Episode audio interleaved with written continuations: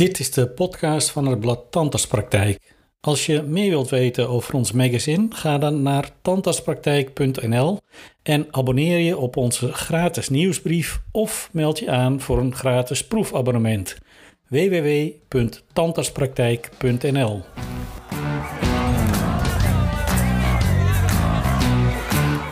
Mijn naam is Sander Loos. In deze aflevering praat ik met Tijn Elvering over leefstijlaanpassing en de rol die wij als tandarts daarin kunnen spelen. Elvering is columnist van Tandartspraktijk en gezondheidsjournalist bij nu.nl en het Algemeen Dagblad. Na zijn opleiding tot journalist verdiepte hij zich in de gedragswetenschap. Ja, verdiepen in gedragswetenschap, daarvan kan ik zeggen, dat zouden meer mensen moeten doen. Het is een beetje, nou, ik ben opgeleid als journalist. En tijdens die studie, nou, nou, pittige studie, heb ik een, eh, een hamer en een schroevendraaier gekregen. En daar heb ik jaren mee gewerkt. En dat ging op zich prima. Totdat ik dacht, hé, hey, laat ik eens een uh, postdoc gedragsverandering gaan doen. En toen kreeg ik me toch een soort mancave aan gereedschap erbij. Waarvan ik dacht, waarom heb ik dit niet eerder gedaan? En daarom zeg ik ook, dit zou echt iedereen moeten doen die met communicatie bezig is. Want wat ik leerde is, het gaat niet alleen over overbrengen van, het informatie, uh, overbrengen van informatie, maar het gaat ook om ja, hoe verander je gedrag en hoe verander je gedrag duurzaam. Dus het eigenlijk ontstond dat bij mijn eerste boek, Dit boek is gezond. En ik had het uh, geschreven op basis van mijn eigen ervaringen. Ik wilde weten uh, wat ik moest doen om gezonder te leven. Dus uh, moest ik nou wel of geen koffie drinken, of volle melk, of juist half vol. Ik was de weg echt helemaal kwijt. Dus ik heb dat allemaal netjes opgeschreven, heel duidelijk. En ik dacht, nou, nu snapt echt iedereen het. Dus ik vol verwachting zit te wachten wat er zou gaan gebeuren. En nou ja, je raadt het al, er gebeurde helemaal niks. Niemand ging gezonder leven. En ik dacht, hoe kan dat nou? Wat heb ik nou verkeerd gedaan? Ik heb het toch zo duidelijk uitgelegd. Dat was het moment dat ik tot het inzicht kwam. Er is dus meer nodig. En dat zie je ook wel. Um, ene Sandra, die heeft uh, dieetboek geschreven. Ze heeft ooit dieetboek uh, nummer 1 geschreven. Dat heet Nooit meer diëten. Maar inmiddels zit ze aan Nooit meer diëten boek 4. Dus dat geeft al aan van, ja, het werkt dus niet. Diëten werken ook niet. Nou is leefstijl uh, tegenwoordig wel een hot item in de gezondheidszorg. Soms denk ik wel eens van, uh, laat me mijn gang gaan en laat me leven zoals ik wil. En dring al die leefstijlen niet zo enorm aan me op. Ik word er gek van. Ja, ja jij voelt je onder druk gezet. Ja. ja. En uh, alles wat ik, wat ik verkeerd doe, als ik koffie drink of als ik een biertje drink, dan denk ik, oh, nu moet ik me schuldig voelen. Want het, het mag eigenlijk niet van de leefstijlgoeroes. Ja, ik kan niet voor de leefstijlgoeroes spreken, maar wat, hoe ik het zie is, van mij moet helemaal niemand iets anders gaan doen. Ik denk wel dat het belangrijk is dat we in deze maatschappij, in de samenleving, ook meer gezondere keuzes aanbieden. Dus dat het niet alleen maar slecht is, dat je gewoon de keuze hebt en dat daarmee ook de sociale norm verandert. Dus nu is de sociale norm, uh, nou, als je van uh, perron 1 naar 21 loopt op Utrecht Centraal, de norm is, nou ja, vette hap, slecht, ongezond. Als daar nou nog meer gezonde als daar meer gezonde keuzes bij komen, ja, dan heb je de, nogmaals de keuze. Je hoeft niet sla te eten. Maar het is wel fijn dat als je al de hele week eh, friet hebt gegeten, dat je wat anders kunt eten. Als tandartsen nemen wij bij uh, nieuwe patiënten, of we checken dat ook ieder half jaar en ieder jaar, de, de, de algehele anamnese van een patiënt. Nou, dan vraag je hem, rookt u, hoeveel rookt u, drinkt u, eet u suikers, drinkt u suiker in de koffie. Dat noteren we allemaal keurig netjes. dat gaat in het elektronisch patiëntendossier. Nou, dat was het, want we hebben het gevraagd. En um, we weten ook dat er dan voor bepaalde um, um, manieren van invullen gezondheidsrisico's staan voor onze behandeling. Maar meer doen we er eigenlijk niet zoveel mee. En waarom wordt het dan bijgehouden? Is dat verplicht? Of ja. de zorgverzekeraar? De, ja. de, zorgverzekeraar is al een beetje de, het Europa van de, uh, van de zorg aan het worden. Ja, nou, moet van Europa. Die, die anamnese die, die verplichten ze omdat je dan weet of iemand hart- en vaatpatiënt is. Uh, wat bepaalde risico's met zich mee kan brengen. Maar die is niet gericht op leefstijlverandering. Dat doen we ook als tandartsen volgens mij niet zoveel aan. Nee, ja, dat is, ik denk dat dat ook meer de vraag is van wat zou je er als tandarts mee willen? Ik denk dat een tandarts daar echt wel toegevoegde waarde kan bieden. Want eh, een tandarts zie je, en dat is het briljante aan de hele mondzorg in Nederland, die tandarts zie je met enige regelmaat. Terwijl ja, een dokter zie je alleen maar als je ziek bent. En dat is meteen ook het hele verdienmodel van de zorg. Ziekte is het verdienmodel. Mensen beter maken. Niet gezondheid. Nee, dat zou dus wel veel meer moeten. En je ziet ook dat het daar echt wel begint te schuren in dit zorgstelsel. Als ik een patiënt zie die in de anamnese heeft ingevuld dat hij rookt... en ik zie uh, behoorlijk wat uh, nicotine-aanslag op zijn tanden...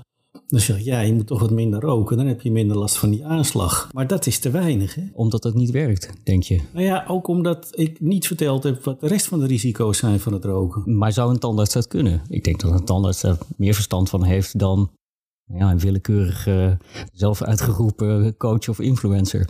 Dus we zouden dat wel moeten doen. Ik denk dat het heel verstandig is, ja. Ik denk altijd, als ik dat zeg tegen patiënten, uh, ik begin over de gezondheid in relatie tot roken, dan ben ik als de dood de patiënt denkt van hou op met je gezeur en doe nou maar gewoon je werk en doe je vullingje en maak mijn tanden schoon. Ja, ja, dat is ook heel lang de reactie geweest van werkgevers, uh, precies op ditzelfde onderwerp van de werkgevers zeggen, ja, moet ik me wel bemoeien met overgewicht of gezond gedrag of ongezond gedrag roken?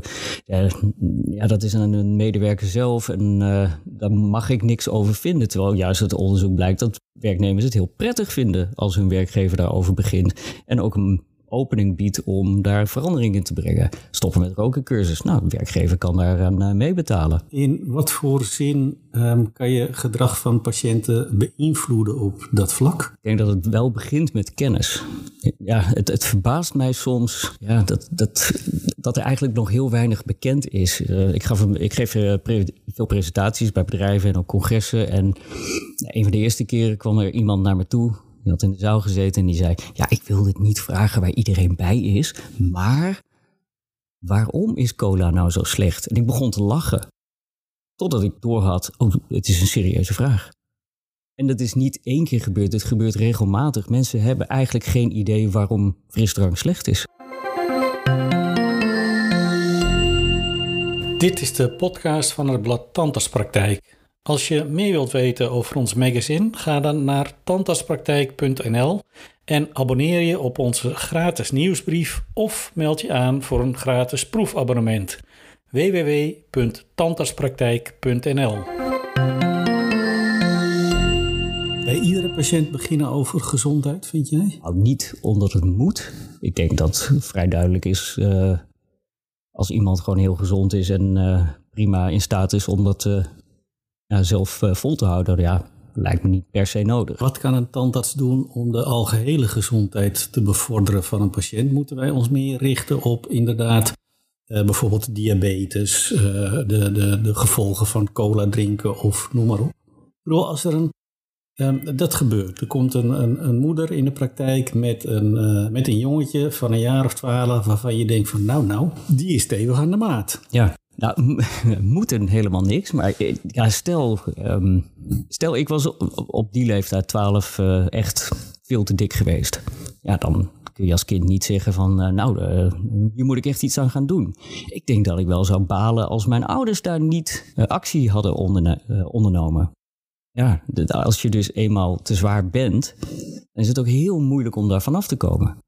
Maar als je daar tegenover ouders over begint, dan zien dit, ja, die zien het vaak als een soort beschuldiging. Hè? Een soort van, oh, hij beschuldigt mij dat ik me ja. niet goed opvoed. Dat is lastig. Ja, ik denk dat het ook wel de, de toon is die de muziek maakt. Dus als je inderdaad zegt van, uh, nou, nou, dan zit wel een kilootje. Ja, dan ik denk dat het geen leuk gesprek wordt. Maar als je het meer over de boeg gooit, dat mensen misschien helemaal niet weten waarom dat precies is dat mensen wel geïnteresseerd zijn om daar dan ook verandering in te brengen. Dat ze gewoon nieuwe informatie krijgen. En daar kan een tandarts wel bij helpen. Suiker, waarom is suiker nou slecht. Ik, ik, ik, ken weinig mensen die in vijf zinnen kunnen uitleggen wat diabetes is. En het dan ook nog dat anderen het begrijpen. Moeten we het meer hebben over um, gezondheidskunde dan over geneeskunde? Ja, en we moeten ook vooral af van ja, die, die behoefte, die, die wil om gezondheid toe te voegen. Dat is zoiets geks. Ik kan, daar kan ik echt boos om worden. De hele influencers-industrie drijft daarop. Gezondheid is geen kwestie van toevoegen. Het zit niet in een potje, het zit niet in een pil. Gezondheid heb je, tenminste, de meeste mensen hebben het. Je kunt pech hebben dat je nou, chronische ziekte hebt, maar dat is een ander verhaal. Dus de meeste mensen zijn gezond, hebben gezondheid. En de truc is, je moet het onderhouden. Dus het gaat niet om het toevoegen van een of ander pilletje of een poedertje. Nee, laten we nou veel meer gaan kijken naar wat kunnen we minder doen aan ongezonde zaken, ongezond gedrag, om zo gezond mogelijk te blijven. Niet omdat het moet, maar omdat je daarmee gewoon wel lekkerder in je vel zit. Dus eh, ja, drie keer per week je benen in je nek leggen en zeggen dat je heel uh, actief aan yoga doet. Het is niet alleen maar toevoegen. Dat geldt denk ik ook voor ons tandarts als we het over karies hebben. We kennen allemaal wel de patiënten die zeggen ja, ik was een oorlogskind of ik heb uh, de wolf in mijn tanden. Dat geeft ook aan dat er nog hier en daar, ja, het ontbreekt aan kennis gewoon ook hè, bij patiënten. Ja, het is precies dat verhaal over die cola en frisdrank. Ja, wij met z'n allen denken dat iedereen het wel weet. En ja, die discussies heb ik ook heel vaak op uh, redactie bij bijvoorbeeld AD of Nu.nl waar ik voor schrijf. Uh, nou, een heel simpel voorbeeld uh, dat me nu te binnen schiet is ehm, etiketten op verpakkingen van voedingsmiddelen. Hadden we laatst een discussie over het ingrediënt dat als eerste wordt genoemd, zit er het meest in. Ja, de, de open deur, denken wij dan. Dus dan checken we even bij een paar mensen. En iedereen zegt, wauw, waanzinnig interessant, nooit geweten. Dus schrijven we daar een verhaal over, gaat door het dak. We praten over het voorkomen van, um, van ziekte, het voorkomen van verlies aan gezondheid, om het zo maar te Ja, mooi gezegd. Maar daar worden wij als tandarts niet voor betaald, hè? Ja, dat is dus precies die beperking waar we net al even over hadden van dit zorgstelsel. Het verdienmodel is ziekte. En ja, er gaan wel steeds meer geluiden op dat dat echt wel anders moet. Ja, hoe? Ja, als ik het zou weten, dan, uh, dan zou ik hier niet zitten. Maar niemand heeft de oplossing daarvoor. Maar het moet wel echt meer van, van nazorg naar voorzorg. Is de lobby van de industrie dan? Ja, oh, dat hele mislukte preventieakkoord. Dat is toch om, om je kapot te schamen. Echt, blokhuis. Oh, schaam je tandheelkunde uh, terug in het basispakket. Oh nee, ja, dat er zijn twee kampen in de tandheelkunde. Hè? De ene kant ja, zegt nee, ik van, zit ja, in die ene. Terug, en de andere zegt uh, absoluut Nee, niet. Dus ik weet dat ik heel veel boze reacties ga krijgen. Als ik, daarom zeg ik het ook lekker lomp. Maar het klinkt natuurlijk fantastisch om alles lekker in die basisverzekering te gooien.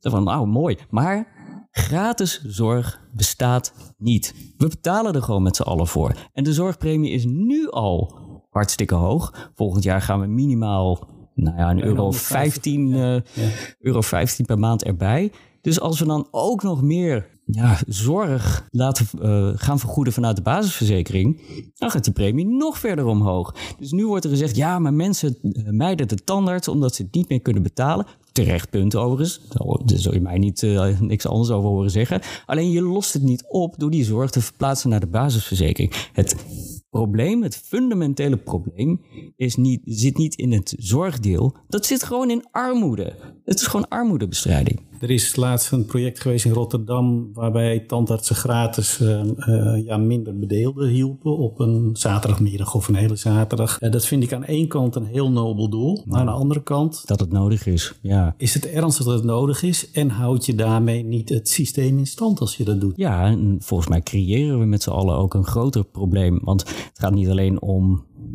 nou ja, de- mond of het gebit van deze mensen.